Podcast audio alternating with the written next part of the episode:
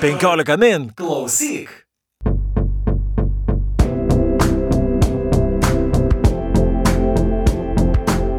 Labadiena, 15 min skaitytojų ir klausytojai ir su jumis sveikinamės mes podcast'e, tinklaladėje, perskaitymą ir kaip visuomet esame mes, aš Audis Ožalas. Ir aš Juratė Čerškutė. Na ir sustinkame be abejo labai simboliškai, labai laiku, pirmą kartą šiais metais, turbūt pirmą kartą, ar ne? Pirmą kartą, bet labai laiku. Labai laiku, nes sustinkame prieš pat Vilniaus knygų mūgio, tai renginys, kuris kiekvienais metais tampa na vis tiek tokiu knygų centru tais metais ir per gal tai galima nuspėti ir kokios knygos na, taps vienomis iš tų labiausiai aptartų aptariamų ir, ir, ir galima šiaip literatūrinės tendencijas pamatyti, pamatyti, kiek žmonių renkasi tos renginius. Žodžiu, daug dalykų galima pamatyti ir šiandien turbūt per, nežinau, net kiek laiko čia praleisime, pamėginsime apžvelgti, kas bus įdomaus Vilniaus knygų mūgėje, bent jau mūsų nuomonė, kokių renginių vertėtų nepraleisti ir kokios įdomios knygos yra išleidžiamos šiai Vilniaus knygų mūgiai. Tai, Juratė, pirmiausia, galbūt norėčiau klausyti tavęs, nes, na, Iš tikrųjų, mūgės pastaraisiais metais buvo tokios, na, keistokos, ar ne? Buvo pandemija, paskui buvo praeitą Vilnius knygų mūgę, kai visi atsiminsim turbūt visam gyvenimui kaip karo Ukrainoje pradžią. Ir štai ateina ši mūgė ir, na, kaip, kaip kokios tavo nuotaikos irgi, na, tarsi mūgė jau šiais metais turėtų būti lyg ir tokių vykti visų pajėgumų, nepaisant, aišku, vykstančio karo Ukrainoje, kuris be abejo bus labai svarbi tema šios knygų mūgės. E, tačiau visgi ar yra tas jausmas, kad grįžta ta didžioji Vilnius knygų mūgė jau šį kartą, na, kuri tokia, kokią mes buvom pripratę? E, jausmas yra keistas, aišku, truputį e, veikia mane magija, kad yra 23-oji Vilniaus knygų mūgė, kuri prasidės 2023 m. vasario 23 d. Tai e, iš tikrųjų, žinai, aš pati labai jaučiu tą brūkšnį, kuris labai riebiai tai braukėsi 2020 metais kada mugė, man regis, tai buvo vienintelė mugė pasaulyje tais metais, knygų mugė, kuri dar spėjo įvykti nes kovo pradžioje turėjusi vykti Londono knygų mūgė jau nebevyko, nes buvo prasidėjusi COVID pandemija.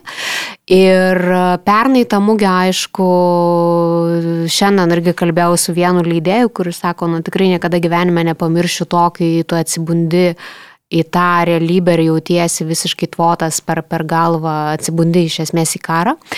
E, tai nežinau, viena vertus toks dvigubas jausmas, viena vertus taip tarsi viskas vyksta kaip įprastai e, ir aš ir tu, mes turim daug renginių, rūpeščių ir visokių moderavimų ir kitų dalykų, bet kita vertus aš jaučiu tokį pokytį, kurio gal niekada seniau nebūdavo.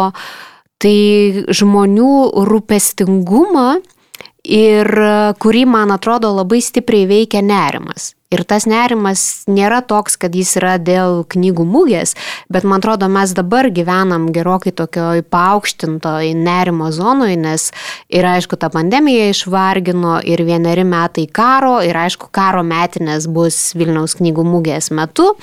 Tai čia vėlgi neaišku, kas nutiks ar nenutiks. Ir tada e, visi e, žmonės, bent jau kurie ketina dalyvauti mano moderuojamuose renginiuose, jie visi kupini tokio rūpestėlio labai iš anksti pradeda rašyti, klausti, kaip bus, koks scenarius, koks planas, ko tikrai iki tol niekada nebūdavo. Ir man iš vis vienu metu net mūgė asocijuosdavosi šiek tiek su tokiu drivu, kad tie renginiai eina tam tikrų konvejerių, bet tame yra to tokio nuostabos elemento, kad ne viską iki galo gali suplanuoti, tu ten šiek tiek apsitari vos ne iš vakaro, kaip tas renginys vyks, o dabar viską šiandien va tris renginius sudėliojau papunkčiui, kaip jie vyktų net ne Litexpo salėse, o nežinau, rotušiai ar rašytojų sąjungos, žodžiu, salėje, tokiuose rimtose erdvėse.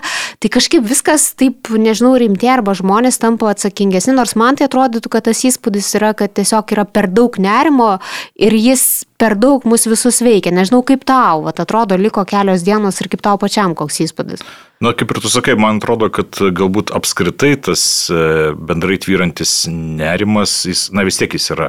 Ir tarkim, vis tiek, kai pereidinėjai per programą šios Vilnius knygų mugės ir tai be abejo yra labai sveikintinas dalykas, kad tikrai dėmesio centre visgi, nors ir Vilniaus jubilėjas, visgi tikrai, nes, tikrai nesumeluosim, atrodo, kad tikrai yra Ukraina, visgi yra dėmesio centre, yra daugybė pristatymų, renginių, poezijos skaitimų ir, ir me, tikrai bus kalbama apie Ukrainą turbūt vos ne kas antram renginyje. Na ir tos karo šešėlis vis tiek niekur nedingsta. Na ir vis tiek mes visi prisimename ir Vilniaus knygų mūgė, na tai bus paženklinta turbūt ir ne vieneriems metams tos, e, to visgi karo šešėlio ir to, kas vyksta. Na ir šiom dienom irgi jau matome, kad irgi vyksta tam tikri dalykai ir, ir na, na vis, tiek, vis tiek viskas vyksta tame fone. Tai galbūt tai irgi priduoda, nors, o dėl renginių pačių organizavimo, na čia aišku sunku pasakyti, turbūt yra pačių įvairiausių yra. E, bet na, apie programą pačią kalbant, tai man atrodo, galbūt kiek vėliau galėsime pakalbėti, tačiau patys irgi mūgės organizatoriai, kai buvo pristatymas e, šito renginio, irgi pabrėžė, kad na, nėra tų tokių didelių žvaigždžių, jeigu tai jas galime mhm. pavadinti, ir, na, ir didelė dalis jų sakė, kad netvyko, atsisakė atvykti į Vilniaus knygų mugę, nes na, netoliese vyksta karas. Tai, na, tai čia akivaizdu, kad vis tiek visi susiduria vis dar su tuo ir na, tai yra neišvengiama. Ir įdomu, kiek dar laiko tas vyks, žinai, kada viskas baigsis. Kada... Taip, na, šiaip, aišku, praleisiu, nepraleisiu, aišku, progos ir pasigirti, kuo bent jau mums 15 min išskirtinis šitas uh, renginys šį Vilnius knygų mugė, nes mes išleidom žurnalą 15 skirtą būtent šiai knygų mugiai. Tai yra ir atėjus į Vilnius knygų mugę galės e, pasimti šitą leidinį nemokamai na, ir ketvirtadienį bus e, šios, šio, šio leidinio pristatymas, kur mes pakalbėsime, kodėl, kodėl išleistas šis leidinys. Tai tikrai galėsite pamatyti ir internetu šitą pristatymą, tai galbūt čia ir nesiplėsiu, tačiau iš tikrųjų, na, mintis yra tokia, kad, na, mes portale darome labai daug e, dalykų susijusių su knygomis ir štai šis podcastas be abejo, aišku, irgi viena iš to dalių. Ir tiesiog norėjusi galbūt įžengti ir kitą formatą, na ir Vilniaus knygų mūgė, nes nepaisant to, kad viskas visgi vis kuo toliau, tuo labiau žengia elektroninė erdvė, na visgi yra susiję daugiausia su spausdintomis knygomis, tai nusprendėme E, visgi išleisti spausintą leidinį, na ir čia beje surasti ir Juratės, ir mano, ir daugybės kitokių kitų žmonių e, recenzijų, pokalbių ir visą kitą. Aš manau, kad knygiams prisiekusiems tikrai bus įdomu. Na, čia toks buvo trumpas nukreipimas. Tai, ne, labai įdomi. geras nukreipimas dėl to, kad e, iš tikrųjų, nors buvau viena iš autorių, bet ne, nedalyvavau šito žurnalo kūrime, bet tikrai labai Džiaugiuosi, e, juolab, kad e, septintus metus gyvenant Varšuvoje, aš visą šitą laiką pavydėjau Lenkams jų literatūrinių žurnalų. Aš aišku puikiai turiu proto suprasti, kokia yra mūsų rinka ir kokia yra Lenkų, vis dėlto negalim pakovoti prieš 44 milijonus e, gyventojų, bet taip tas noras, kad atsirastų leidinys, nes dažniausiai pas mus kaip būna, ar ne, leidiniai yra ta vadinamoji kultūrinė spauda, jie vis tiek ima labai platų spektrą visų e, menų ir kalba ir apie vizualųjį meną, ir apie teatrą, ir apie kiną, ir apie literatūrą, o štai yra leidinys, kuris išskirtinai skirtas tik tai literatūrai ir knygom, ir dar jis yra popierinis, kas čia, manau, daugeliu žmonių tikrai yra labai svarbu, nes aš suprantu, nepaisant to, kad jau prasidėjo 2023 metai, bet kai aš žmonėm pasakau, kad praktiškai neskaitau popierinių knygų, tai aš matau, kad žmonės vis dar šokiruojasi. tai, tai aš aišku būčiau, žinai, visada už ir elektroninį formatą, bet tikrai žmonėm to popieriaus reikia. Tai Čia beje, labai sveikinu. Beje, įdomi pastaba, nes mes irgi prieš šitą tinklalaidį irgi kalbėjome apie knygas elektroninės ir popierinės ir aptarinėjome, kad, na, visgi koks elektroninis formatas, kaip labai dažnai, lab, labai dažnu atveju yra tikrai labai pravartus ir tikrai, na, patogesnis negu už popierinės knygas. Tačiau vėlgi, kai grįžtame prie pačios žiniasklaidos ir prie e, pačio skaitimo apie knygas, kartais, na, smagu iš tikrųjų paimti ir tą popierinį leidinį. Na, tai akivaizdu, kad, na, kiek, kiek bevyktų na, tų transformacijų, bet čia be abejo mes visi tai puikiai matome visose sritise, nes paimkime ir tą pačią muzikos sritį, kur na, visi iš skaitminio pasaulio staiga grįžo ne tik vinilus, bet ir kasetės sugrįžo, kas atrodė, kad jau seniai numiręs formatas. Kuriuo tai... vienu metu man atrodo, kad kasetės reikia, žinai, vos neišmesti, o dabar prašau, reikia dulkės nuo jų nupūsti. Taip. Na, bet kokia atveju čia gal buvo toks jau nukrypimas į šoną ir aš manau, kad galbūt jau Galėtume, aš nežinau, gal pradėkime gal nuo knygų, ar ne, kurios e, pasirodys Vilnius knygų mūgėje, nors aišku, čia gal toks ir sąlyginis dalykas, nes daugybė tų puikių, gerų knygų, kurios buvo išleistos praėjusiu metu pabaigoje, e, jų dar, jos, jos dar negavo tiek pakankamai dėmesio ir galbūt netgi Vilnius knygų mūgėje gaus tą tikrai pirmąjį e, impulsą, tarkime, na, ką žinau, ta pati Tokarčiuk, kuri pasirodė tik gruodžio mėnesį, na, taip, ir beje bus, prist... knygos, taip. Taip, ir bus, bus pristatymas tik tai knygų mūgėje, ta pati Agnė Žakarkalytė, kur irgi pasirodė praėjusiu metu pabaigoje jos mm. knyga irgi bus Vilnius knygų mūgėje pristatymas. Taigi, na, taigi ne vien tik tos naujienos, kurios išleidžiamos šiom dienom, šiam savaitėm, bet uh, sulauks dėmesio ir tie kūriniai, kurie išleiksi kažkiek anksčiau. Taip, žinai, man apskritai atrodo, kad knygų mūgė uh, tai aišku yra uh, tikrieji naujieji metai tiems žmonėms, kurie kurie dirba, dirba šitam laukia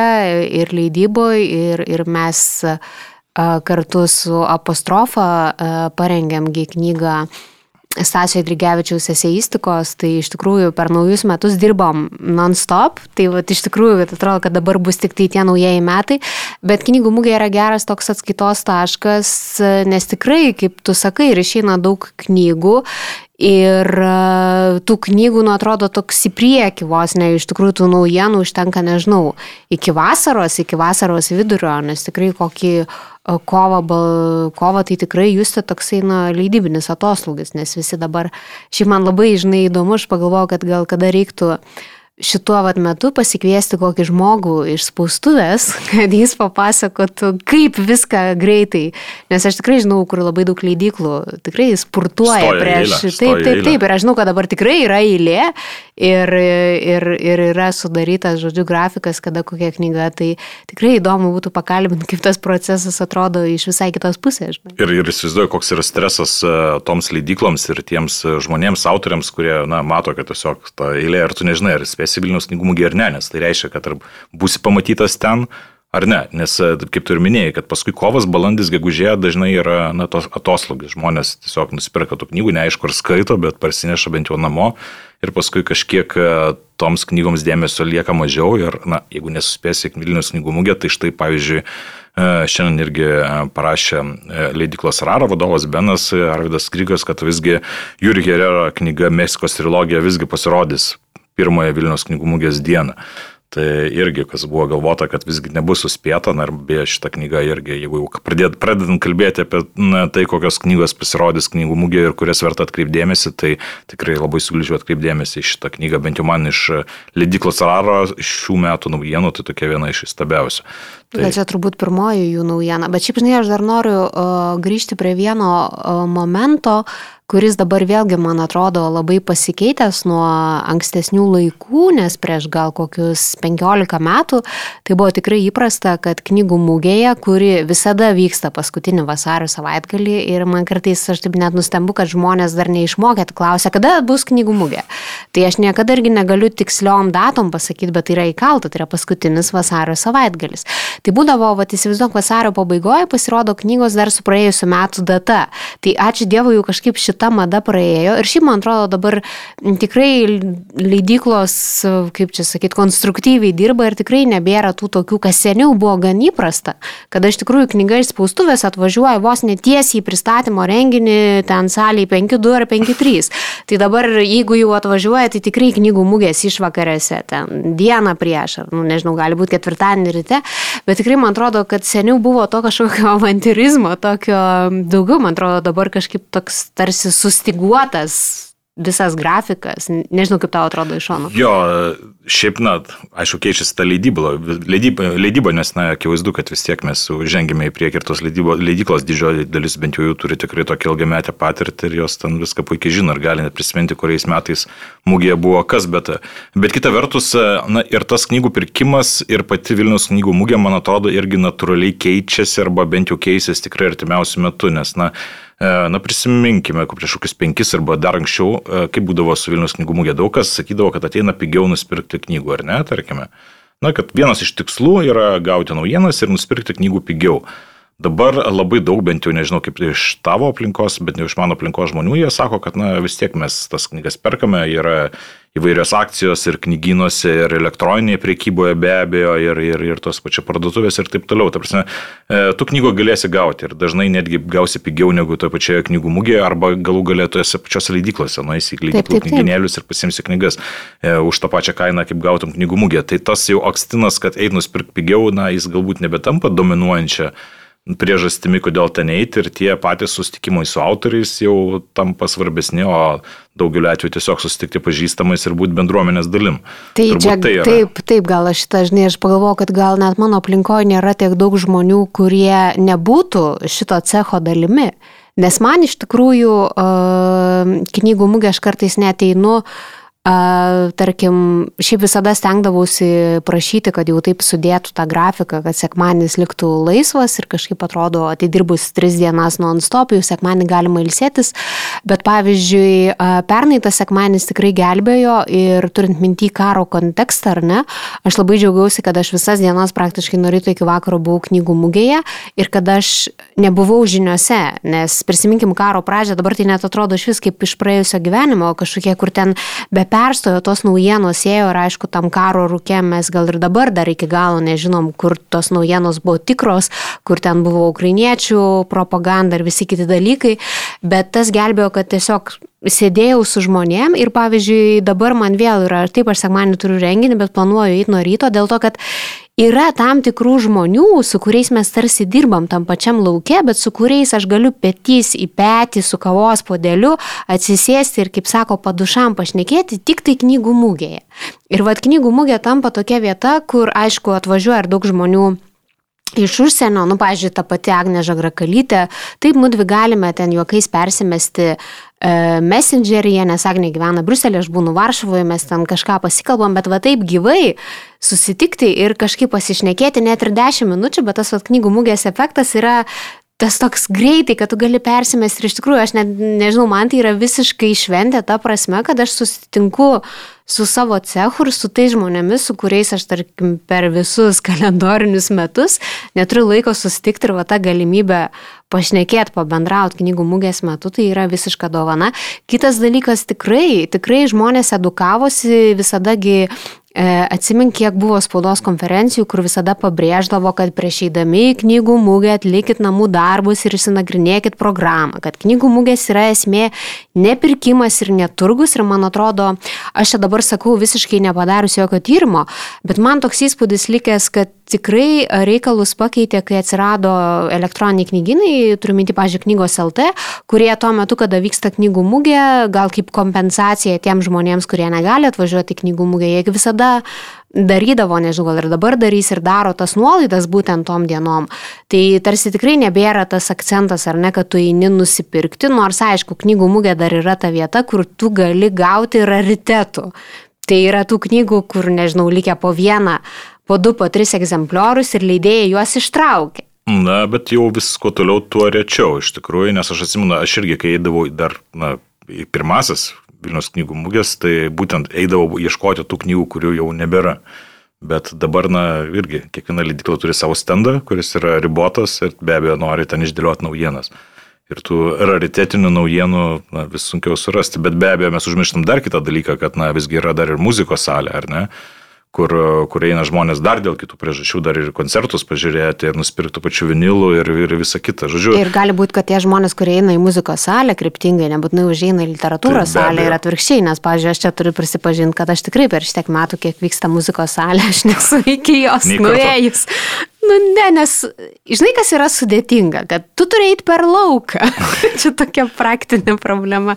Tiesiog, nu, žinai, man knygų mugė kaip ir tau, mums tai yra darbas. Ir tu tiesiog būni susikaupęs padaryti darbą, kiek įmanoma geriau. Tai šiemet, tarkim, mano asmeniniam kalendoriui iš vis. Trys renginiai iš eilės be jokio atokvėpio. Tai aš manau, gal tai rekordas.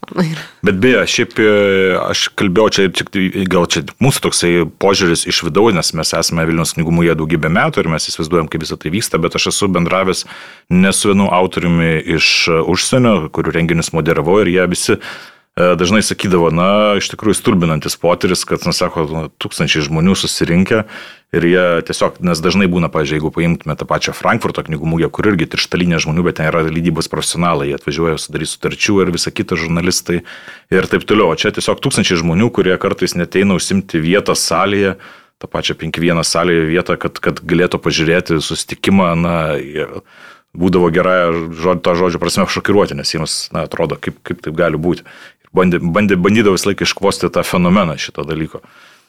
Sako, jūs, sako, esate labai labai skaitanti tauta, sako, niekur, niekur, niekur aš nemačiau, kad tiek žmonės skaitytų.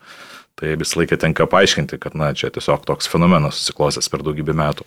Kažkoks stebuklingas. Ir toks. Tai va čia beje įdomu, kaip šiemet bus su lankytojų, tai skaičiais ir, ir srautais, nes iki pandeminiai tai ten, man atrodo, buvo 70 tūkstančių. 70-50 tūkstančių, bet, na, bet ką mes ir kalbėjom pradžioje, kad, na, visgi tas nerimo šešėlis vis tiek kažkiek išlikęs ir, na, ir tai bus iš tikrųjų toks pakankamai didelis išbandymas patiems organizatoriams, man atrodo, na, visgi pamatyti, kaip pasikeitė žmonių požiūris, kokia yra psichologinė būsena ir su kokias asociacijas visgi kelia knygų mūgė, na, bet be kokio atveju aš tikiuosi, kad, na, tikrai bus tų žmonių ir tikrai mes ten visi susitiksim. Bet, na, galbūt jau... Audriau, tai sakyk, tavo favoritai, kokiu tu knygų lauki pats?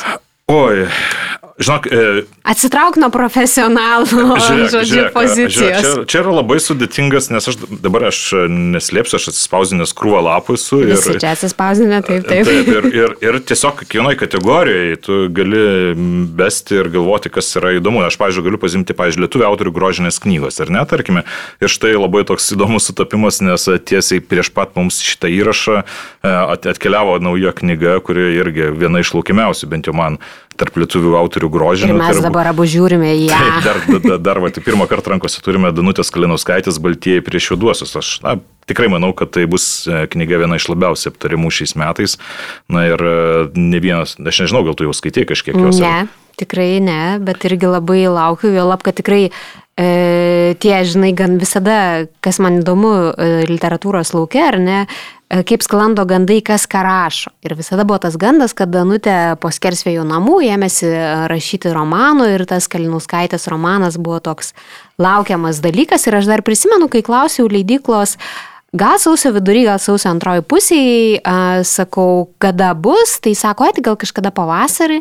Ir staiga aš prašau ir pristatymas knygų mugėje bus penktadienį ir štai yra knyga, tai aš manau, kad tikrai tos rimtosios lietuvių prozos gerbėjom, tai šita knyga nu, tikrai šventė. Šventė, tikrai, tikrai. šventė. Tai vat, čia yra pirmoji šventė ir turbūt dar porą knygų esu pasižymėjęs kaip tokių iš lietuvių autorių grožinė, jeigu kalbam apie tai. tai E, Jurgos Tumosonytės naujagimiai, man irgi visai imponuoja šitą autorę ir įdomu, kaip jinai, nes sakoma, kad grįžta į magiškojo realizmo laukus su šituo naujų kūriniu. Na, pažiūrėsime iš tikrųjų, kas, kas tai yra per kūrinys, irgi dar neskaičiau, irgi labai įdomu bus paskaityti. Na ir Virginijos Kulmiskaitės keturi. Irgi apsakymų rinkinys, vėlgi, irgi labai įdomu, nes e, iš, iš tikrųjų tas pats pristatymas knygos irgi dar neskaičiau, pasirodė, kad na, turėtų būti kiek kitoniškas pasakojimas, negu kad mes matėme iš jos ankstesnių kūrinių, tai irgi jeigu taip reikėtų brėžti tuos e, tris lietuvių autorių grožinių knygų laukiamiausius kūrinius, tai sakyčiau, šitie trys būtų, o tavo? E, tai be abejo, kad šitie patys, aišku, man kaip ir šiolaikinės prozos tyrėjai, tai tikrai nepavyks išvengti šitų knygų skaitimo. Ir aš gal dar noriu atkreipti įdėmėsi, aišku, čia pasinaudodama, kaip sakoma, šitą profesi, profesinę padėtimi, tai žagrakalytės triukšmaujančius katalikus, dėl to, kad pasirodė, man atrodo, gruodžio pačiam vidury, tai irgi dar taip nesulaukė dėmesio. Ir aišku, jau čia aš kalbu kaip moderatorė ir, ir kviečiu į renginį penktadienį 7 val. knygų mugėje su Agne ir Paulium Subačium kalbėsimės apie šitą knygą. Faktų ir gandų kortelės, tikrai netikėtas. Ir labai įdomus formas. Labai įdomus formas ir turbūt e, toks gal vienas įdomiausių klausimų yra, tai ar jai pavyko parašyti romaną ar ne. Tai. Mm, ar tai romanas iš viso Tai, na, įdomu. Kas tai? Tai taip, nes, na, ir, ir pati autorė, man atrodo, yra minėjusi, kad galima skaityti, na, nebūtinai taip kaip ištisinė istorija. Ne, galima skaityti visai iš bet kurios vietos iškarpėlę. Tai, nes jinai, kaip sako, aš pakarpiau istoriją, tai vad kokią iškarpėlę. Toks koležinis romanas, na, įdomus toks sprendimas, aišku. Ir aš, aš irgi manau, kad tikrai šitą knygą, na, bet kadangi jau išleista kažkiek anksčiau, gal ir ne, neįtraukiu į tų tokių naujienų, į kurias, na, dabar vertėtų atkreipti na, pirmiausia, norisi atkreipdėmėsi, nes, na, man atrodo, kad vis tiek dėmesio kažkiek jau sulaukė ir, ir įtraukta į sąrašus, turbūt, ar ne? ne taip, vieną. yra kūrybiškiausių knygų dvyliktukė, tikrai taip. E, o kalbant apie lietuvių autorių negrožinės knygas, na, irgi mes ne, buvo ne viena diskusija apie tai, kas bus šių metų bestselleris, nes, na, žinai, kiekvienais metais būna tas kūrinys, kuris išneša viską, apie kurį visi kalba. Na, tai atsimenu, kad kažkada būdavo tai Kristinas Sabaliauskaitis knyga, dar kažkokios kitos knygos. O šiais metais aš manau, kad, na, nebejotina ir šimtų procentų tai bus Birutės Davinonytės ir Davido Pancerovo knyga, pranešėjas ir prezidentas. E, Visiškai pritariu. Ir knyga jau tapus bestselleriu iki pasirodymo, taip, taip. na ir aš e, gavau kažkiek anksčiau šitą knygą, perskaičiau ją, na tai esu tikras, kad tikrai tiems žmonėms, kurie domisi e, politika ir kurie domisi politikos užkaboriais ir, ir tuo, kas, kas, kas lieka nutilėta ir visokiamis istorijomis, kurios, na, na, atrodo ne visai aiškios, ne visai švarios ir reikalauja paaiškinimų ir kurios gerai paaiškina tai, kas vyksta politinėme laukia dabar, yra tikrai, tikrai tuos žmonės sudomins. Na, kai kurios iš tų istorijų yra žinomos e, žiniasklaidoje, buvo atspindėtos, tačiau visam šitame, šitoje knygoje norėjau pasakyti romane, nes iš tikrųjų šitą knygą gali skaityti kaip tokį politinį trilerį. E, viskas gerai susiveda į tokį, na, neblogai sureksta voratinklį. Na ir be abejo, knyga, kuri tikrai turėtų sudominti tuos, kas, na, domisi, kas mėgsta arba kas tikrai, kas nemėgsta Gitano nausėdos, tai tuo labiau be abejo. Na, bet kokia atveju, čia aš manau, kad e, tikrai rankos žemyn, čia nieka, ne viena kita knyga netaps tokia perkama kaip ši šioje knygų mugėje. Bet aš manau, kad pikantiškiausios galbūt knygos titulą lietuvių autorių negrožinės, tai galėtų gauti istorikai Tomas Vaiseta ir Valdemaras Klumbys parašę knygą Mažasis O - seksualumo kultūra Sovietų Lietuvoje.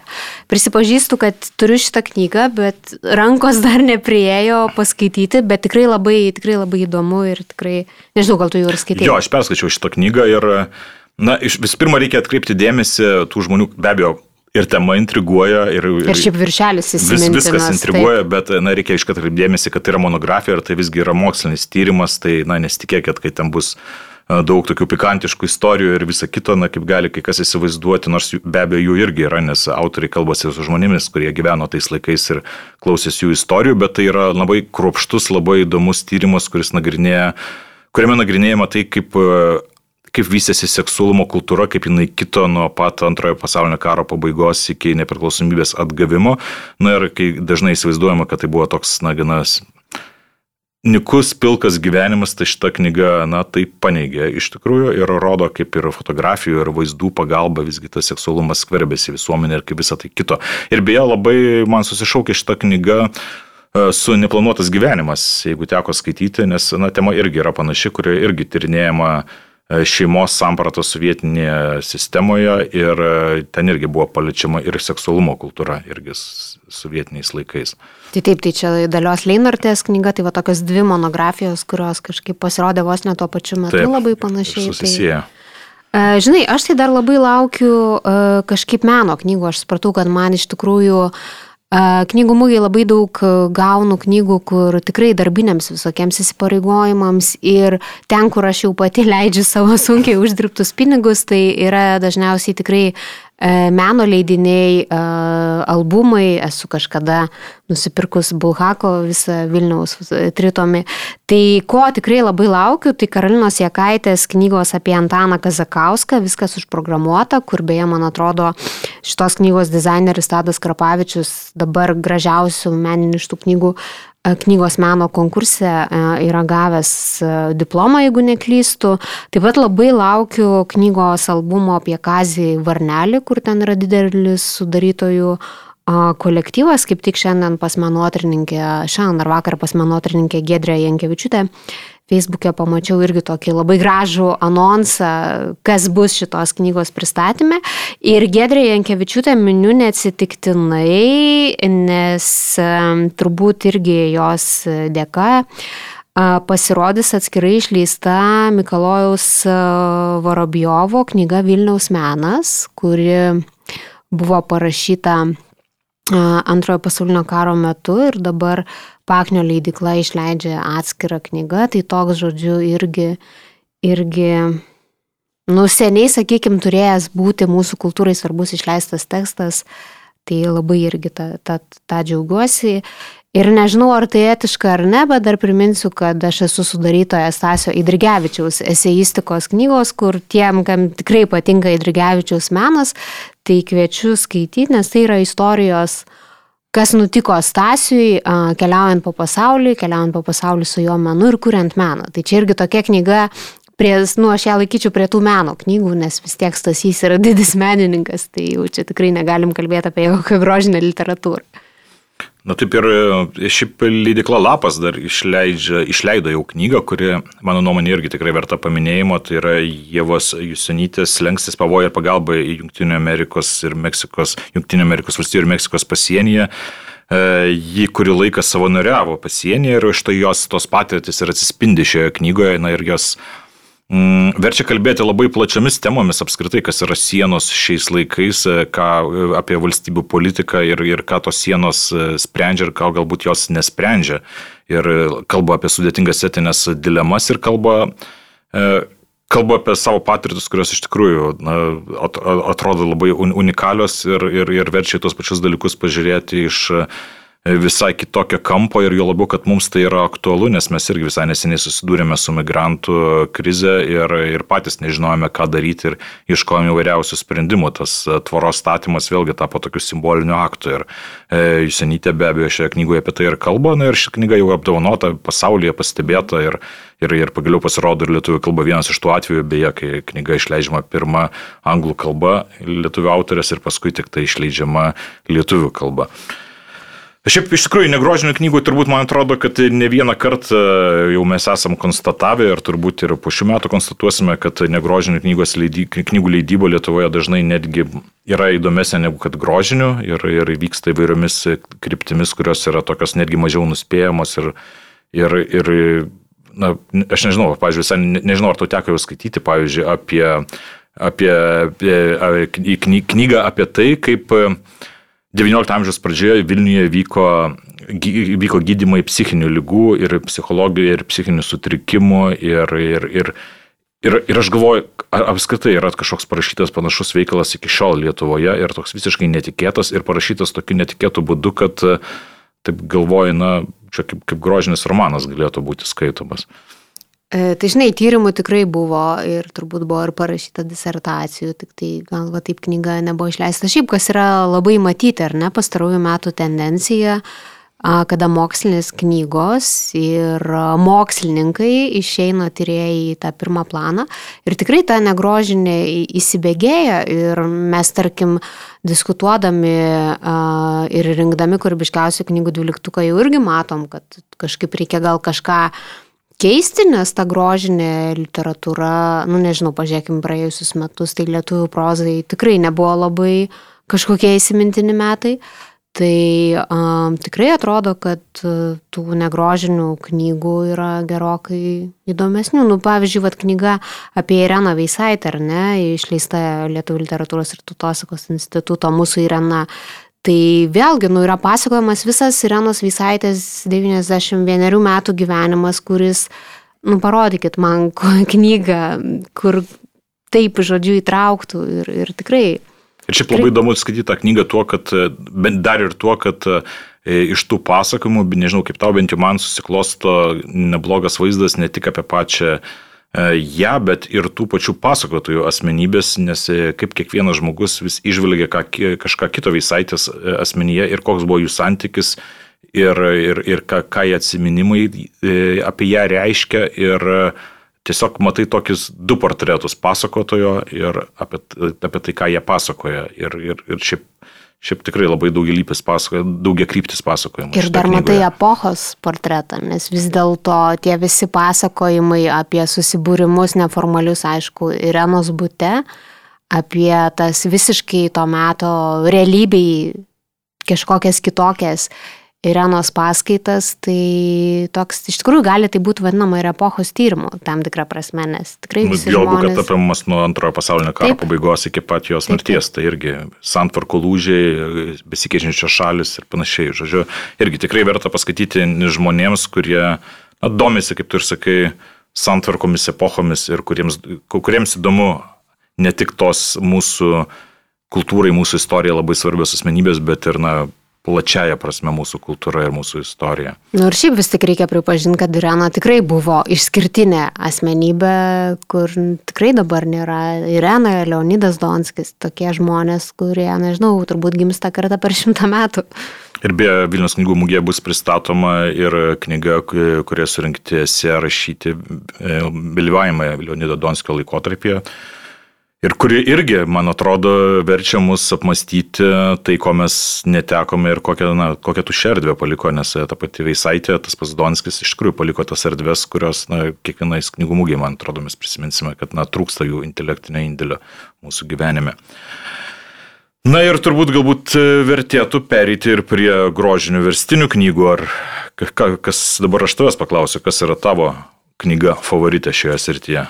Aš nežinau, ar yra favoritė, bet e, aš tau prieš mūsų įrašą minėjau, kad labiausiai laukiu to laiko po knygų mugės, kada galėsiu skaityti šiuo metu dvi norimiausias skaityti knygas. Tai yra Rachel Kask trilogijos antrąją dalį Tranzitas ir Virginijos Woolf romaną Bangos. Tai kažkaip yra tie du tekstai, kur laukiu. O šiaip, žinai, iš tikrųjų Ką reiškia moderuoti renginius knygų mūgiai? Tai reiškia perskaityti pirmiausia tas knygas, ar ne? Ir kadangi tiek ir tu turėsi daug renginių, tiek aš, tai uh, turbūt galim pradėti nuo tų storųjų knygų, nes aš ką tik baigiau Olgos Tokarčiuk Jokūbo knygas, nes uh, teks laimė ir garbė kalbinti Olgą, gaila, kad žinoma nuotoliu. Uh, bet tikrai bus įdomu paklausinėti, o tau teks laimė ir garbė kalbinti Oksaną Zabuško, užmirštų sekretų muziejaus autorę, su kuria beje man teko laimė ir garbė spalį susipažinti visiškai netikėtai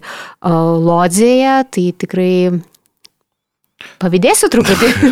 Na, šiaip, šiaip iš tikrųjų, kaip labai teisingai pastebėjai, šiaip moderavimas turbūt turi uh, ir tą gerąją, ir blogąją pusės turbūt, nes ta geroji iš tikrųjų, kad uh, turi galimybę susipažinti su autoriumi, bendrauji su juo, galbūt giliau panyri jo kūrybinį pasaulį, tačiau kita vertus labai dažnai būna tai, kad na, tą knygą gauni ir na, skaitai ne tai, kad mėgaudamasis tekstu, bet ir vis iš karto galvodamas, apie ką mes kalbėsime apie šitą knygą ir tai tampa knyga skaitimas pusiau darbas. Tai Zabuško atveju beje tos knyga irgi kaip ir to karčiukų turi dar du panašumai, kad turbūt apimtis yra ne ką mažesnė.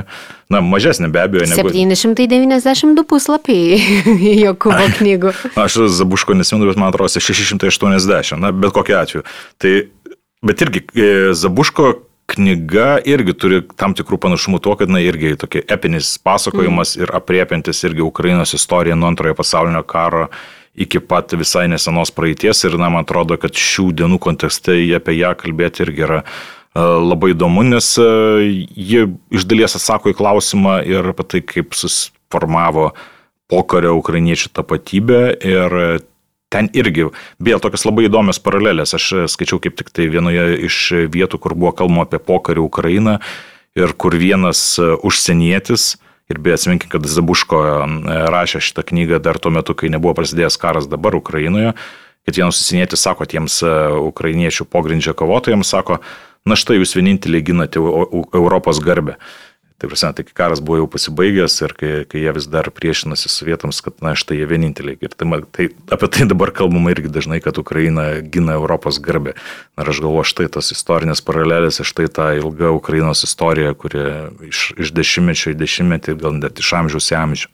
Man tai žinai, skaitant e, to Karčiako Jokūbo knygas, kur aišku, jinai pasakoja irgi to tokiu, net sakyčiau, gal dabar nebemadingu, to tokiu senobiniu būdu, nuo labai toli, pasitelkiant tą personažę Jantą, kurin vadina iš vis tokiu absoliutiniu žvilgsniu iš viršaus, tokiu, nežinau, man kažkaip lenda į galvą žodis dronas, toks yra droninis e, matymas nuo labai toli ir iš tikrųjų skaitant gal net pirmosius šimtą puslapių, tu dar net nelabai supranti, kas su kuo ir kaip, bet kas man darė tokį keistą efektą skaitant dėl to, kad E, veiksmas vyksta mm, toje Lenkijos dalyje, kur dabar yra Ukraina ir aišku kalbama ir apie Rohatiną, ir apie Lvyvą. Ir labai keista girdėti tuos visus vietovardžius, apie kuriuos rašo Tokarčik, veiksmas vyksta 18 amžiaus e, viduryje ir antroje pusėje. Ir aš skaitau tos vietovardžius, kuriuos aš dabar žinau iš karo konteksto, ar ne? Tai vad kaip keistai persikloja dalykai ir aišku, aišku toj knygoje, to karčiuk romane karo irgi netrūksta ir tu skaitai ir taip Man tai viena mintis, žinai, lindo į galvą, kad, kad ir kas vyktų, kad ir kokius mes čia įrenginius ar technologijas išrastume, žmogaus prigimtis, jinai tiesiog nesikeičia iš, iš amžiaus į amžių tas pats per tą patį. Ir grįžta vis kitomis formomis, taip, bet taip. esmė lieka ta pati.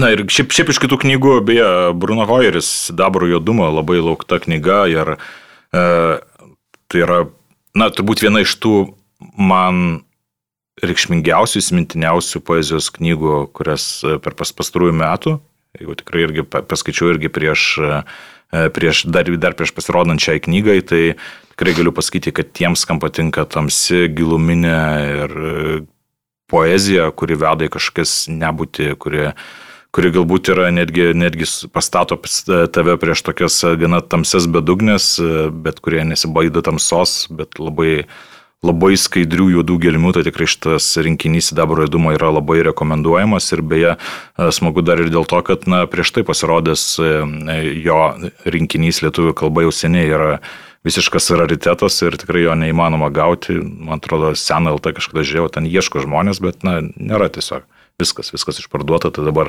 tie, kurie mėgsta jį ir jo poeziją, tikrai turės galimybę įsigyti naująją knygą. Tai taip, ir aš galvoju, gal mes truputį pononsuokim ir, ir renginius, tai tu kalbinsi Oksano Zabuško šeštadienį vakare, aš kalbinsiu Olga Tokarčik šeštadienį.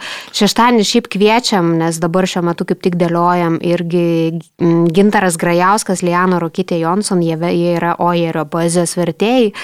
Tai kas tikrai nori susipažinti su Oja ir tikrai kviečiu ateiti renginį, nes Gintaras Grajauskas yra pasiryžęs e, skaityti daug Ojerio poezijos ir man atrodo, kad vis tik geriausia pažintis su poetu ir jo kūryba yra, nu, tiesiog klausant e, tą poeziją, o kad tu užsiminėjai apie raritetą, Tai kitas toks raritetas, gal net ir didesnis, ilgą laiką buvo Vislavos Šimborskos poezijos knygos. Taip. Ir aš net prisimenu, kaip mano draugė iš Oksfordo rašė, klausdama, sako, Jurat, ar tikrai tai gali būti tiesa, kad niekur nėra nusipirk Šimborskos knygų. Tai a, leidikla apostrofa šiemet, kada yra Šimborskos šimtmetis, 2023 metais, išleidžia knygą 33 eilėraščiai ir čia yra a, apostrofos pradėta tokia tarsi Nobelio a, laureatų serija, nes jau buvo Brodskio 14 eilėraščių, E, Milošo 31, jeigu gerai prisimenu, ir dabar Šimborskas. Trilogija. Taip, 33, tai pats Tomas Venslovo visus vertės, šitas visas knygas ir autorius, tai taip ir vadina, kad čia yra, yra trilogija. Tai žodžiu, mane labai džiugina šitas faktas, kad Šimborskos šimtmečio proga mes turėsim naują poezijos knygą. Taip. E, Šiaip vienas iš netikėčiausių, jeigu manęs ir paklaustum, kas yra netikėčiausias leidinys šioje Aš Vilnius... tavęs klausiu, kas tau netikėčiausias. tai netikėčiausias, tai yra Danielos Hodrovas abiem pavydalais, e, Lidikla Hubris, vertė Kristina Karailytė. Tai, uh, žinai, prieš kelis metus aš įsigijau šią knygą anglų kalba ir aš galvoju, kas, kas, iš Vilnius, beje, Kažkas rekomendavo iš Vilnius knygų mūgės e, svečių, galbūt tai buvo Sionas e, ir Islandų rašytojas. Man atrodo, kad jo. Ir jisai labai rekomendavo, kai kalbėjom su juo ir sako, na štai yra ta knyga, yra kuri pamatinė man ir aš tada nusipirkau ir perskaičiau tą knygą ir man tikrai buvo stulbinantis įspūdis, viena iš didžiausių įspūdį tuo metu palikusių ir aš paskui domėjausi tos knygos leidybo, kaip jinai buvo išleista ir visa kita ir ten buvo rašoma apie tai, kaip ilgai tą vertę knygą ir kiek pastangų reikalavo, nes tai yra šiaip tirštas, labai magiškas e, kūrinio audinys ir aš dar tuo metu, atsimenu, tai rašiau savo įspūdžius ir na, prašiau, kad, na, štai ta knyga, kuri tiek laiko buvo versta į anglų kalbą, na, lietuvių kalbą mes turbūt pamatysim, na, niekada, turbūt niekada nepamatysim šios knygos. Ir štai. Ir tu apie tai net parašy Facebook'e. Taip, ir, ir štai dabar Hodrovos knyga, lik niekur nieko išleidžiama, be kažkokių didelių anonsų, ne, be kažkokių tai e, didelių kalbų, kad tai štai bus išleista šita knyga ir štai lietuvių kalba, lik niekur nieko. Tai man irgi labai laukiamas leidinys ir tikrai labai rekomenduoju žmonėms, kurie domisi rimtąją ir tikrai labai įdomi ribas kertančią literatūrą įsigyti ją. Taip, aš labai laukiu irgi šitos knygos, nes aš buvau girdėjus, kad šitą autorę labai primena mano objektą, Richardą Gavelį, kad yra, to, Yra tokių panašumų. tamsamų, ar ne, Vilnius Praha, tai tikrai lauksiu skaityti. Aš pati kuo nudžiugau, tai aišku, tikrai nenustebinsiu tavęs pasakydama Anierno. Ir daug kas susimaišė ir truputį mane net sumaišė ir leidikla, para, parašiusi, kad, žodžiu, Erno bus knygų mugė ir aš galvoju, wow, tai negi taip greitai yra išverstas jos tas geriausias romanas metai, Metai. Kur prisiminkim, kai spalio 6 Ani Arno gavo Nobelio premiją, premiją literatūrinę, iš karto leidikla Baltos lankos pasakė, kad 23 metų lapkričio mėnesį pasirodys metai, tai kol Greta Štikelytė verčia metus, Violeta Tauragienė išleido tą romaną Įvykis, e, autofikcinį romaną, nors kai kurie beje tyrėjai šitą knygą linkia laikyti netgi ir visiškai dokumentiką, nes Erno aprašo savo a, abortą ir kas perskaitys šitą knygą, tai noriu priminti, kad Lietuvoje vis dar žmonės cinema platformoje galima pažiūrėti pagal šitą filmą, pagal šitą knygą pastatytą filmą, kuris yra gavęs Venecijos liūtą. Tai žodžiu, toks galima prasitęsti prasitęsti, nežinau, knygos, knygos efektą. Ir aš aišku jau minėjau, kad laukiu Kask ir laukiu Wolf. Tai čia gal būtų tokie, nežinau, didžiausi mano iš to, ką aš laukiu. Aišku, matosi, kad tikrai bus daug pristatymų ukrainiečių poezijos, ar ne?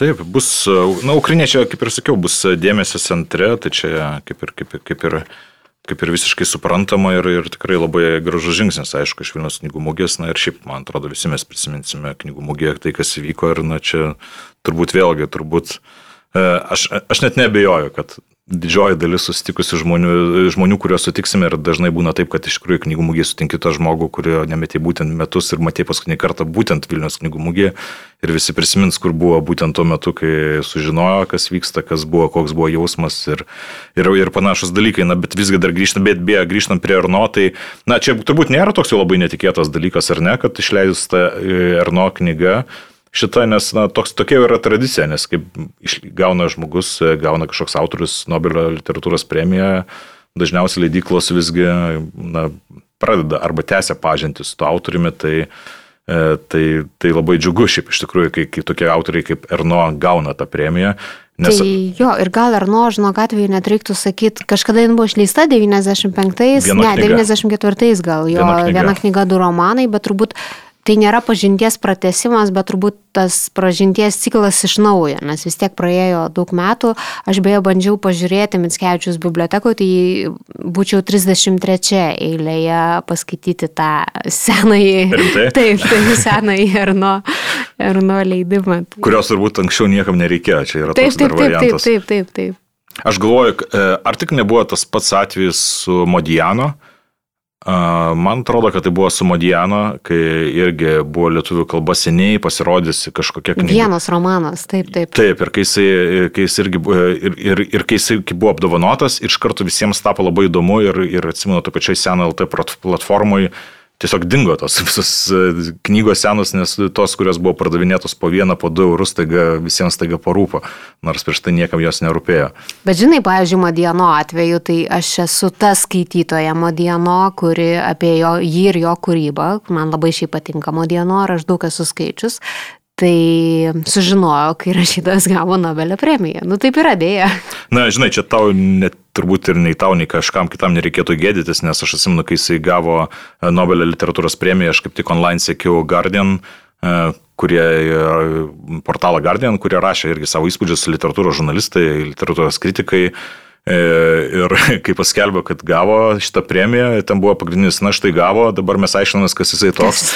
Ir, ir paskui ten, ten sklandė, na, ar mes turim kažką išverstą į anglų kalbą, ir ten mato skubiai renka informaciją, ar kažkas išversta į anglų kalbą. Tai čia mes kalbam apie Guardian, žinai. Tai, tai čia nėra ko toli ieškoti.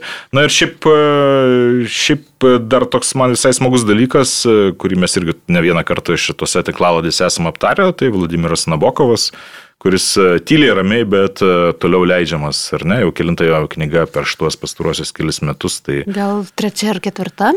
a, na, Per galbūt- pastaruosius jo. Gal ketvirta jau turbūt, per pastaruosius kokius e, dviejus metus, tai turbūt ketvirta O gal net ir penkta, neskaitant dvi raros ir trys jo temos, tai turbūt penkios.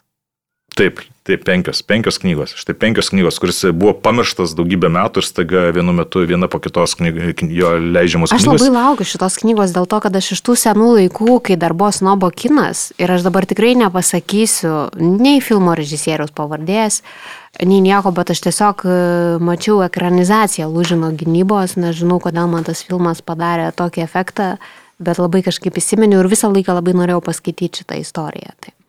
Na, dar visai noriu atkreipdėmėsi į Scotto Fitzgeraldo gražus ir pasmerkti. Aš e, nežinau, ar tau jau pavyko paskaityti šią knygą, e, kurią vertė Daiva Daugirdinė, bet aš klausiu pačios vertėjos, kaip šitą knygą sakė, kad tikrai puikiai, labai nuostabi, tai visai pasitikiu jos žodžiu.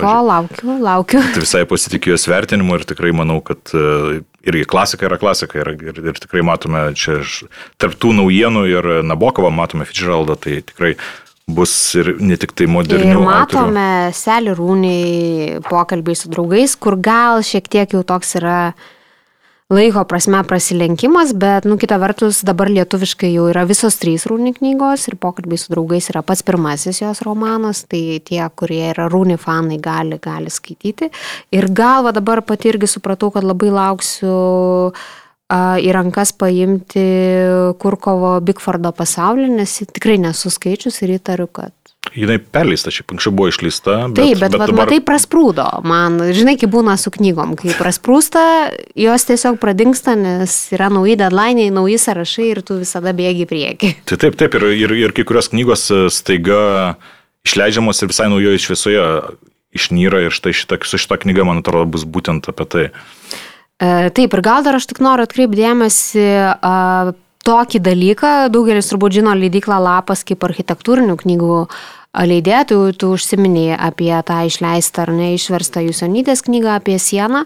Tai noriu atkreipdėmėsi, kad Lapas pradėjo leisti tokią nedidelių juodų knygelių, tai yra grožinės literatūros serija, tai lapkritį pasirodė Bruso Četvino Ucas, O dabar knygų mūgiai bus pristatomos net dvi knygos, tai yra prancūzų rašytojo Džordžo Pereko Žmogus, kuris miega, nes tai irgi tas prancūzų rašytojas, kurio buvo, man atrodo, iki šiol tik viena knyga išleista, o tai yra vienas tokių tikrai inovatorių 20-ojo amžiaus prancūzų literatūros ir Luigi Pirandelo vienas tūkstantis nei vienas, man atrodo, taip vadinasi ta knyga, o Dieve, užkrito pavadinimas, bet ten labai daug. Žodžiu, visiškai įdomus konceptas, garsaus dramaturgo suvokimas tas, kad žmogus kintanti yra būtybė ir kad tu niekada stabiliai nebūni toks pat. Tai va, irgi toks įdomus tekstas, kurio irgi nebuvo lietuviškai.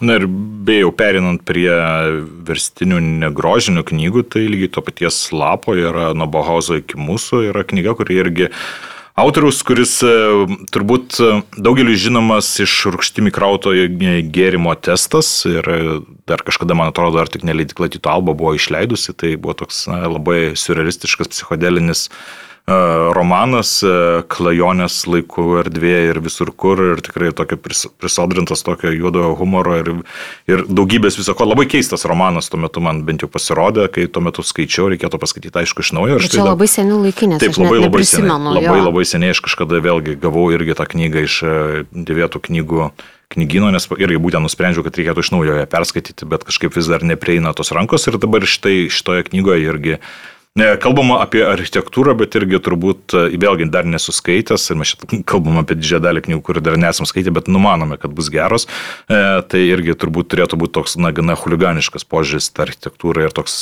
na, visai galbūt kitoniškas žvilgsnis. Na, žinai, mes tiesiog išduodame, ką mes patys skaitysime ir kas mums įdomu, tai gal kas nors irgi draugė su mumis tą patį paskaitys. Na ir man iš tų negrožinių aš norėčiau dar į porą knygų atkreipdėmėsi. Tai pirmiausia, tai būtų Enis Applebaum Raudonasis badas. Viena iš mano mėgstamiausių istorikų žurnalisčių ir kurios ne viena knyga yra pasirodžiusi lietuvių kalba, kiekviena iš tų knygų, bent jau mano nuomonė, yra na, vienas, vien, vien, vienas iš geriausių negrožinių pastarųjų kelių dešimtmečių knygų tyrinėjančių totalitarizmą. Ir būtent šitas raudonasis badas yra skirtas šis kūrinys Holodomorui. Ir vėlgi labai siejasi su šiais laikais, su tuo, kas vyksta Ukrainoje, nes ir pati autorė sako, kad, na, iš tikrųjų, tai labai aiškiai atspindėjo Rusijos planus Ukrainai ir tai tapo tokiu kaip ir kertiniu tašku, vėlgi formuojantis ir Ukrainos tapatybei. Tai knyga vėlgi parašyta labai atlikus daugybę tyrimų, bet Applebaum turi tokį labai aišku sugebėjimą rašyti na, gana aiškiai, gana įtraukiančiai ir tas nepa, jos tekstas nepavirsta klampiu ir tokiu, kur na, sunkiai paskaitoma ne istorikui. Tai šitą knygą labai rekomenduoju. Na ir kitas autorius, kuris e, bent jau man labai mėgstamas kaip grožinių knygų autorius, e, tai yra Mikhailas Šiškinas ir e, irgi jo ne viena knyga yra išleista lietuvių kalba, tačiau šį kartą pasirodys jo knyga Taika ar karas, na, rusų rašytojas E, kuris e, gyvena Šveicarijoje, kuris labai aštrai kritikuoja Putino režimą ir teko su šitą autoriumi susitikti Frankfurto knygų mugėje, tai jis na, buvo galbūt netgi labiau kategoriškas negu Ukrainos rašytojai, kuris sakė iš viso, kad Rusija neturi ateities, turi būti užkariauta, nugalėta ir kad, kad jinai sugebėtų iš tų visų griuvėsių pakilti tik toje įmanoma jai ateitis. E, tai šita knyga yra vėlgi eseistika ir joje bus irgi kalbama apie Rusijos režimą ir kaip jisai toks susiformavo. Tai manau irgi aktuali ir tikrai verta dėmesio knyga knyga. Ir aš dar noriu atkreipdėmėsi, kad šiemet knygų mūgiai Anos Arent bus net e, dviejų knygų pristatymai ir tai bus vienas renginys, tai bus pristatoma knyga totalitarizmo ištakos ir ką tik Simo Čeltkos išversta Hubrio tų nedidelių knygų serijoje, ar ne, knyga apie smurtą, tai man atrodo, kad irgi tos temos, kurios visada buvo aktualios, bet dabar dar labiau suaktualėjusios. Ir dar vieną dalyką noriu, čia visiškai tokia nišinė filosofinė turbūt rubrika būtų, tai Hubris išleis Soreno Kirkegoro knygą pakartojimas, kurią vertė Java Toleikytė, įvadą rašė Kirkegoro tyrėjas Viktoras Bachmetėvas.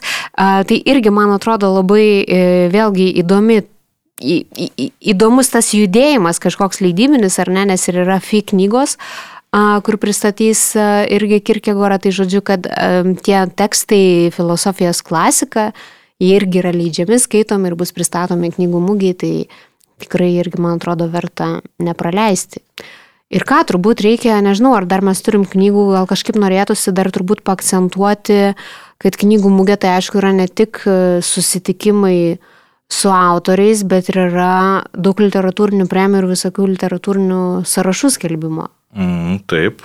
Tai uh, gal... apie, apie, apie nemažai jų jau žinoma iš anksto, tačiau vis tiek tai būna dar proga ir pasveikinti tuos pačius nugalėtojus. Jo, ir... bet šiemet, žinai, aš pažiūrėjau programą, šiemet yra labai daug tokių digresijų, nukrypimo nuo laiko tradicijų, tai uh, Pirmiausia, kadangi šiemet yra lygiai 20 metų, kai yra renkami kūrybiškiausių knygų dvyliktukai Ir visą laiką laureatas skelbdavom, tiesiog aš jau net išmokus mintinai sakyti žurnalistam, kaip sakai, ir laureatas bus paskelbtas knygų mūgės šeštadienį per pietus, žinai. Tai dabar kūrybiškiausių knygų, kūrybiškiausios knygos skelbimas vyks sekmadienį 11 val. tai čia yra toks pokytis.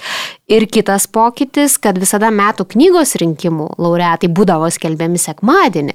Tai dabar yra šiaip pakeista visa visas chronologinis judėjimas, tai kad knygų mūgiai yra skelbiami ne laureatai, yra skelbiami tie penketukai, iš kurių po to žmonės rinks ir balsuos. Tai iš tikrųjų metų knygos rinkimų nominatų skelbimas nominantų yra ketvirtadienį 12 val. Tai iš esmės pačioj pačioj knygų mūgės pradžioj, kas man atrodo labai gražu ir simboliška, kad žmonės galės dalyvauti. Aišku, knygų mūgės metu bus įteikta Jurgos Vanuskaitės premija, kuri šiemet paskirta rašytojai Ekvilinai Cicienai tai už romaną anglų kalbos žodynas, tai čia šeštadienį 12 val. ir šeštadienį 13 val. bus apdovanotas Vilniaus klubo premijos laureatas arba laureatė ar laureatai, tai irgi pamatysim, sužinosim kas.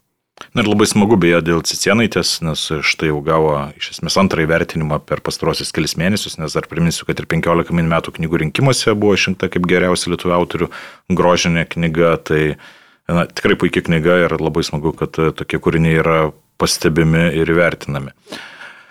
Na, o kalbant apie renginius, na, iš, iš esmės nemažai mes jau ir pakalbėjome, ar ne, nes ir pristatydami tas knygas, e, kurios yra išleidžiamas knygų mūgėje ir kokie bus renginiai joms pristatyti, e, aišku, apžvelgti visko yra na, neįmanoma, nes aš bandžiau susidaryti sąrašą šiom dienom, nes vis tiek dar reikės ten tikrai pasidaryti savo tos labai didelius namų darbus, ką reikia pamatyti, iš kur parengti reportažus ir, ir kur, kur tiesiog šiaip, šiaip pasižiūrėti, su kuo susitikti, tai, na, sudėtinga, sudėtinga ir tu turi įjungti tą bėgimo režimą, jeigu nori kažką pamatyti, na, bet galbūt kažką, į kažką galima dar atkreipdėmėsi, kaip manai. E, taip, aš tik tai galvoju, nepatikrinau prieš laidą, tarsi buvo kalbama per spaudos konferenciją, kad Litexpo vėl gražins e, programėlę, nes vienu metu buvo tikrai labai patogu programėlė telefone Vilniaus knygų mūgės programos, kur tu galėjai pasižymėti tau rūpimus renginius ir iš esmės turėti tokį personifikuotą, personalinį savo ar net varkaraštį knygų mugėje, tai atsiprašau, kad prisipažįstu, kad nepatikrinau, ar jau jinai yra. Bet beje, ir... grįžtant prie programėlių, Frankfurto knygų mugėje, kadangi ten yra tokie tokie neįtikėtini mastai ir neįtikėtino dydžio salių planai, kad jeigu tu užsibrėži savo, susidarai renginių sąrašas, tau nubrėži netgi planą, kaip nueiti tenais, nes kitaip tu... Nuostabu, po... nepaskaičiuoja, kiek žingsnių nueisi per paskaičiuoja, paskaičiuoja minutės, kiek laiko tau reikės ten. O, super. Tai, tai tiesiog čia, tai, kad galėtum įsivaizduoti, kokio kokio masto irgi mūgės vyksta ir tiems, kurie skundžiasi, kad Vilnius knygų mūgėje neįmanoma visko pamatyti. Na, tai Šiaip beje, aišku, yra tas dalykas, bet čia turbūt neišbalansuojamas. E, e, tiesiog aš juokais pasižiūrėjau, kad vienu metu, e, pavyzdžiui, vyksta net keli renginiai, į kuriuos eitų visiškai ta pati auditorija. Tai tas kažkoks neiš, bet žinai, kitų renginių yra šitiek daug, tai turbūt nieko nuostabaus kitaip ir negali būti. Aišku, turbūt reikia atkreipti dėmesį, kad atvažiuoja knygų mūgė Nora Krug kurios tą grafinę, grafinį romaną yra išleidusi leidikla Aukso žuvis. Žinoma, kad visi tikėjosi Oleksijaus Arestovičiaus, kad jis atvyks gyvai, bet panašu, kad taip nebus. Per spaudos konferenciją Lolita Varanavičinė sakė, kad net buvo planas, kad ir Feiginas prisijungtų. Čia būtų, turbūt galėtume kalbėti apie rekordinį uh, lankomumą Vilnius knygų mugėje. Na, bet e, bus ir bus kitų autorių. Mes sakėme, kad galbūt ir nėra tokių didelių žvaigždžių, bet e, na, yra autorių, kurie yra tikrai labai mylimi. Ir vienas iš tokių, pavyzdžiui, e, Kalnozolas, ar ne, tarkime, apie kurį mes jau kalbėjome tinklalaidėje. Mane vadina kalendorium autorius, kuris atvyksta į Lietuvą ir tikrai turi tikrai daugybę ištikimų gerbėjų, tai aš manau tikrai tikrai bus sulauks e, pilnos salės, e, kaip ir yra ir kitų labai įdomių autorių, pavyzdžiui, Katrina Tuškova, kuri pristatys knygą Baltųjų Karpatų raganas irgi šeštadienį iš paties ryto Kristofas e, Andrė, irgi, man atrodo, turi savo gerbėjų būrį, nes tikrai ne viena, ne viena jau jo knyga yra išleista lietuvių kalba. Andrius Liupka, irgi vienas iš tų rašytojų, tai yra autorius, kuris turėjo pasirodyti praeitais metais Vilnius knygų mugėje, išleidęs tokį, na, tamsių humorų irgi prisodrintą romaną Karbidas, tačiau prasidėjus karui dėja negalėjo atvykti, tai dabar laukime šiais metais, tikiuosi, kad mes jį išvysime visgi šiais metais. E, tai čia yra tik tai keli iš autorių, bet, e, na, Aš tai dar noriu atkreipti dėmesį, kad vis dėlto nepamirškim, kad e, Vilniui šiemet yra 700 metų ir kas žiūrės programėlę, programą, kuri yra beje ir internete ir šiemet vėl veikia interneto puslapis Vilnius knygų mugė.lt. Tai uh, ten netgi atskirų tokių stilizuotų 700 ženkliukų yra paminėti renginiai, kurie skirti ir Vilniui. Ir bus net atskirų diskusijų, bus ir Vilniaus poezijos skaitimai. Man gal kažkaip labiausiai įsiminė, kur aš pati tikrai norėsiu nueiti, tai man regis, aišku, pirmiausia, dar nepaminėjau, kad vėl bus šortai, tie tokie smūginiai, trumpi pokalbiai. Ko gero, aš negalėsiu dalyvauti, bet pavydėsiu visiems, kurie klausys Rasos Drasdauskenės ir Bernardo Gailiaus, Rasos Drasdauskenės ir Marijos Dremaitės apie mano mylimą architektą Arno Funką. Čia visiškai išsiduodu savo simpatijas.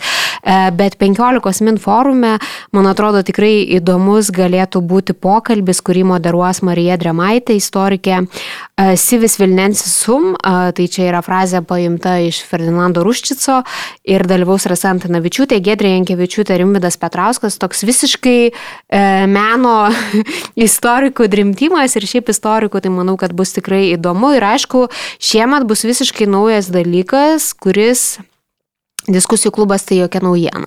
Bet medijų forumas bus tikrai kažkas naujo ir netikėto, nors tai sakoma, kad tai yra testinis e, renginys, bet aš kažkaip tik tai šiemet jį taip rimtai užfiksavau.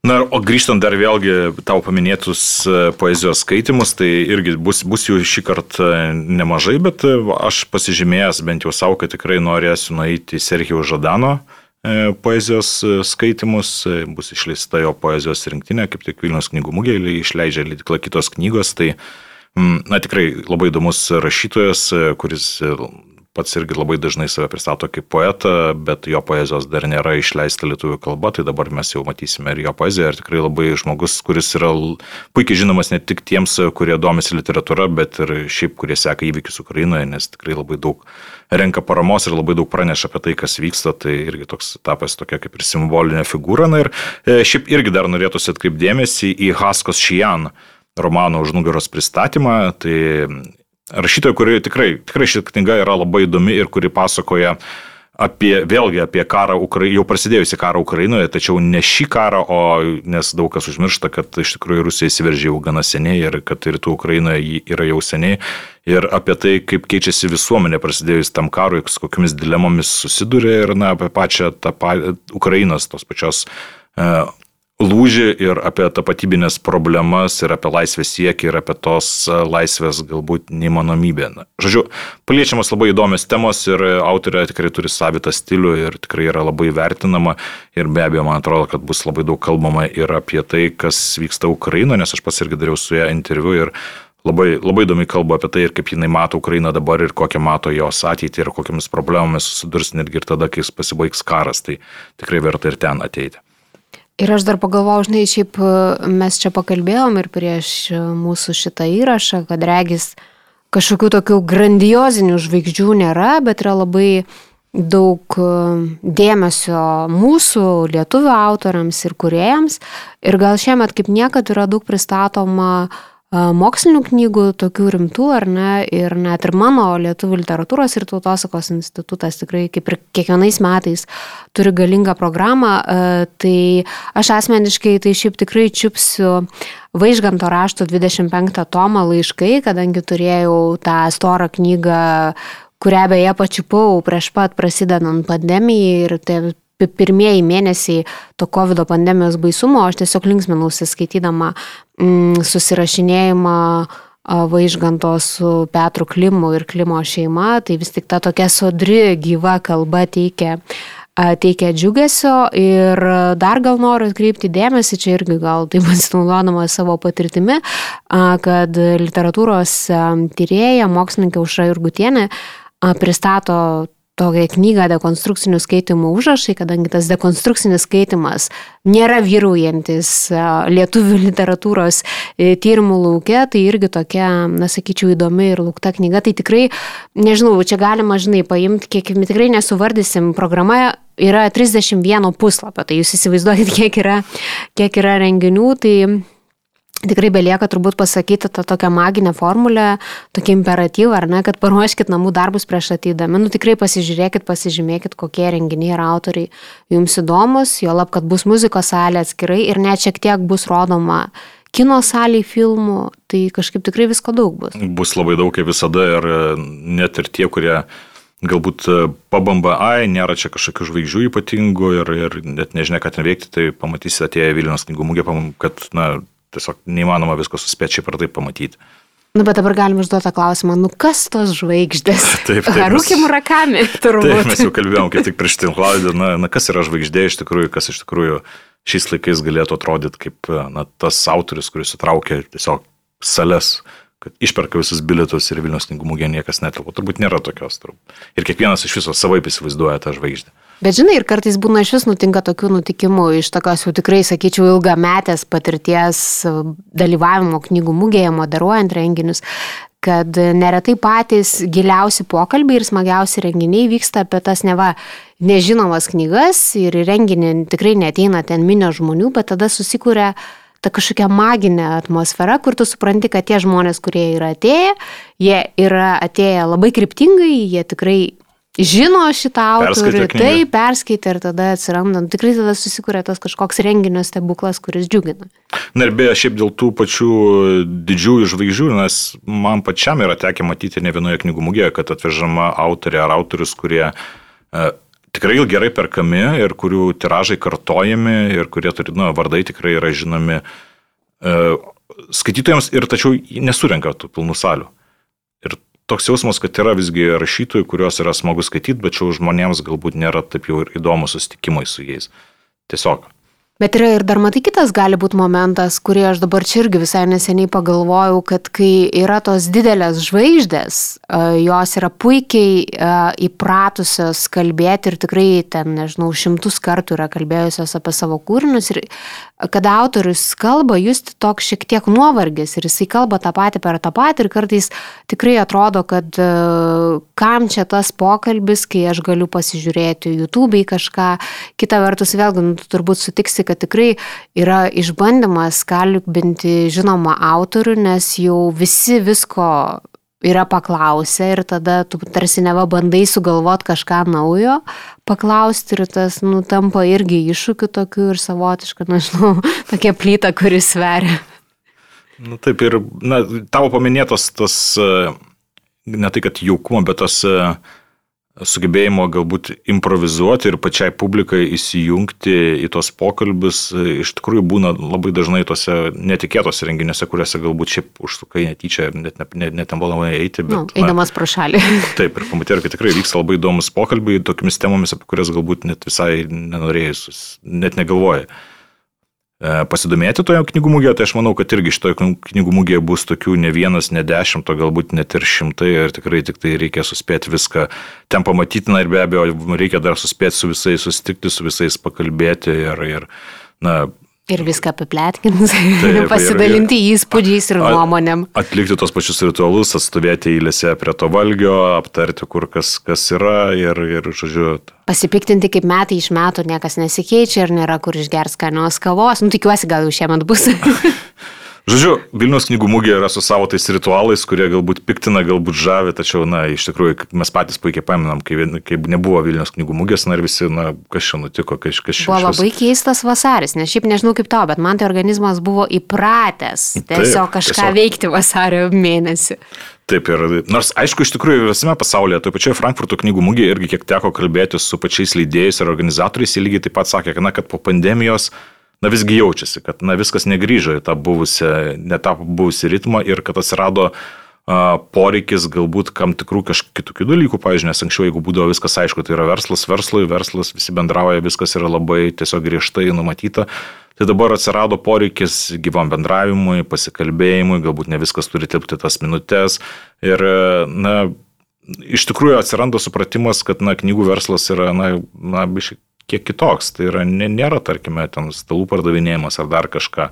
Tai yra, tai yra, tai yra žmonės, skaitytojai žmonės, rašytojai žmonės ir tiesiog tas yra santykis kūrimas. Ir santykis kūrimas būtent tokiuose renginiuose. Ir man atrodo, kad e, tai yra labai svarbu, kalbant, na, tai ką mes ir sakėm, galbūt ne nuolaidos, ne dar kažkas yra svarbiau, o tiesiog ateimas ir bendruomenės jausmas. Taip, taip. Ir tiesiog, žinai, galimybė pasikalbėti, nes kartais, nežinau, trijų minučių pokalbis prie stendo su žmogum toks lieka labai gera emocija, gyvas įspūdis. Na ir kągi, iš tikrųjų lieka vos kelios dienos iki tos Vilnius knygų mugės. Aš nežinau, ar čia mes sugebėjome kažkokius kelrodžius nubrėžti, bet man atrodo, kad tai kiekvienas pats pagal savo pomėgius, pagal savo interesus nusibrėž, galbūt kažką bent jau pažymėjome, kas mums patiems atrodo įdomi šioje knygų mugėje. Na ir ką, ir turbūt e, susitiksime visi ten vienokiu ar kitokiu būdu kažkuria diena, na bent jau knygų mėgėjai, kurie galėsite, turbūt užsuks ten. Taip, ir po to turbūt mes e, dar padarysim daug tinklalaidžių ir pokalbių iš apie šitas knygas, kurias šiandien tikrai labai daug suminėjom. Man regis, čia ar tik nebus rekordas? Mm. Gal ne, gal kiek dar nepažymėjom. Kiek, kiek nepažymėjom, bet aš tiesiog galvoju, nu, gal vis dėlto 15 min knygų rinkimų 15 ir viršytų kiekį, bet nu, šiandien, sakyčiau, irgi neblogai, neblogai padirbėjom, nes tikrai knygų bus uh, daug, tai nežinau, tiesiog linkiu ateiti, atrasti, pabendrauti su autoriais, uh, nežinau, atrasti netikėtų knygų. Na ir aš dar savo raštu siūlau iš tikrųjų užsukti 15 min formą, kur pasimti žurnalą 15 nes e, tikrai, mano nuomonė, visai vertas dėmesio dalykas. Tai yra pirmas žurnalas per šituos metus skirtas literatūrai, tik tai literatūrai ir knygoms. Ir tiek šį kartą turbūt e, tinklaladėje 15 ir kaip visuomet buvo mes su jumis, aš Audris Ožalas. Ir aš Juratė Čarškutė ir tu kryptingai pasakei freudiškai tinklalaidį 15, tai buvo tinklalaidė perskaitimai. Na štai, bet čia toks kaip ir reklaminis šūkis gausi. Gerai. Tiek to ir ką, iki ir susitiksim knygų mūgėje. Iki.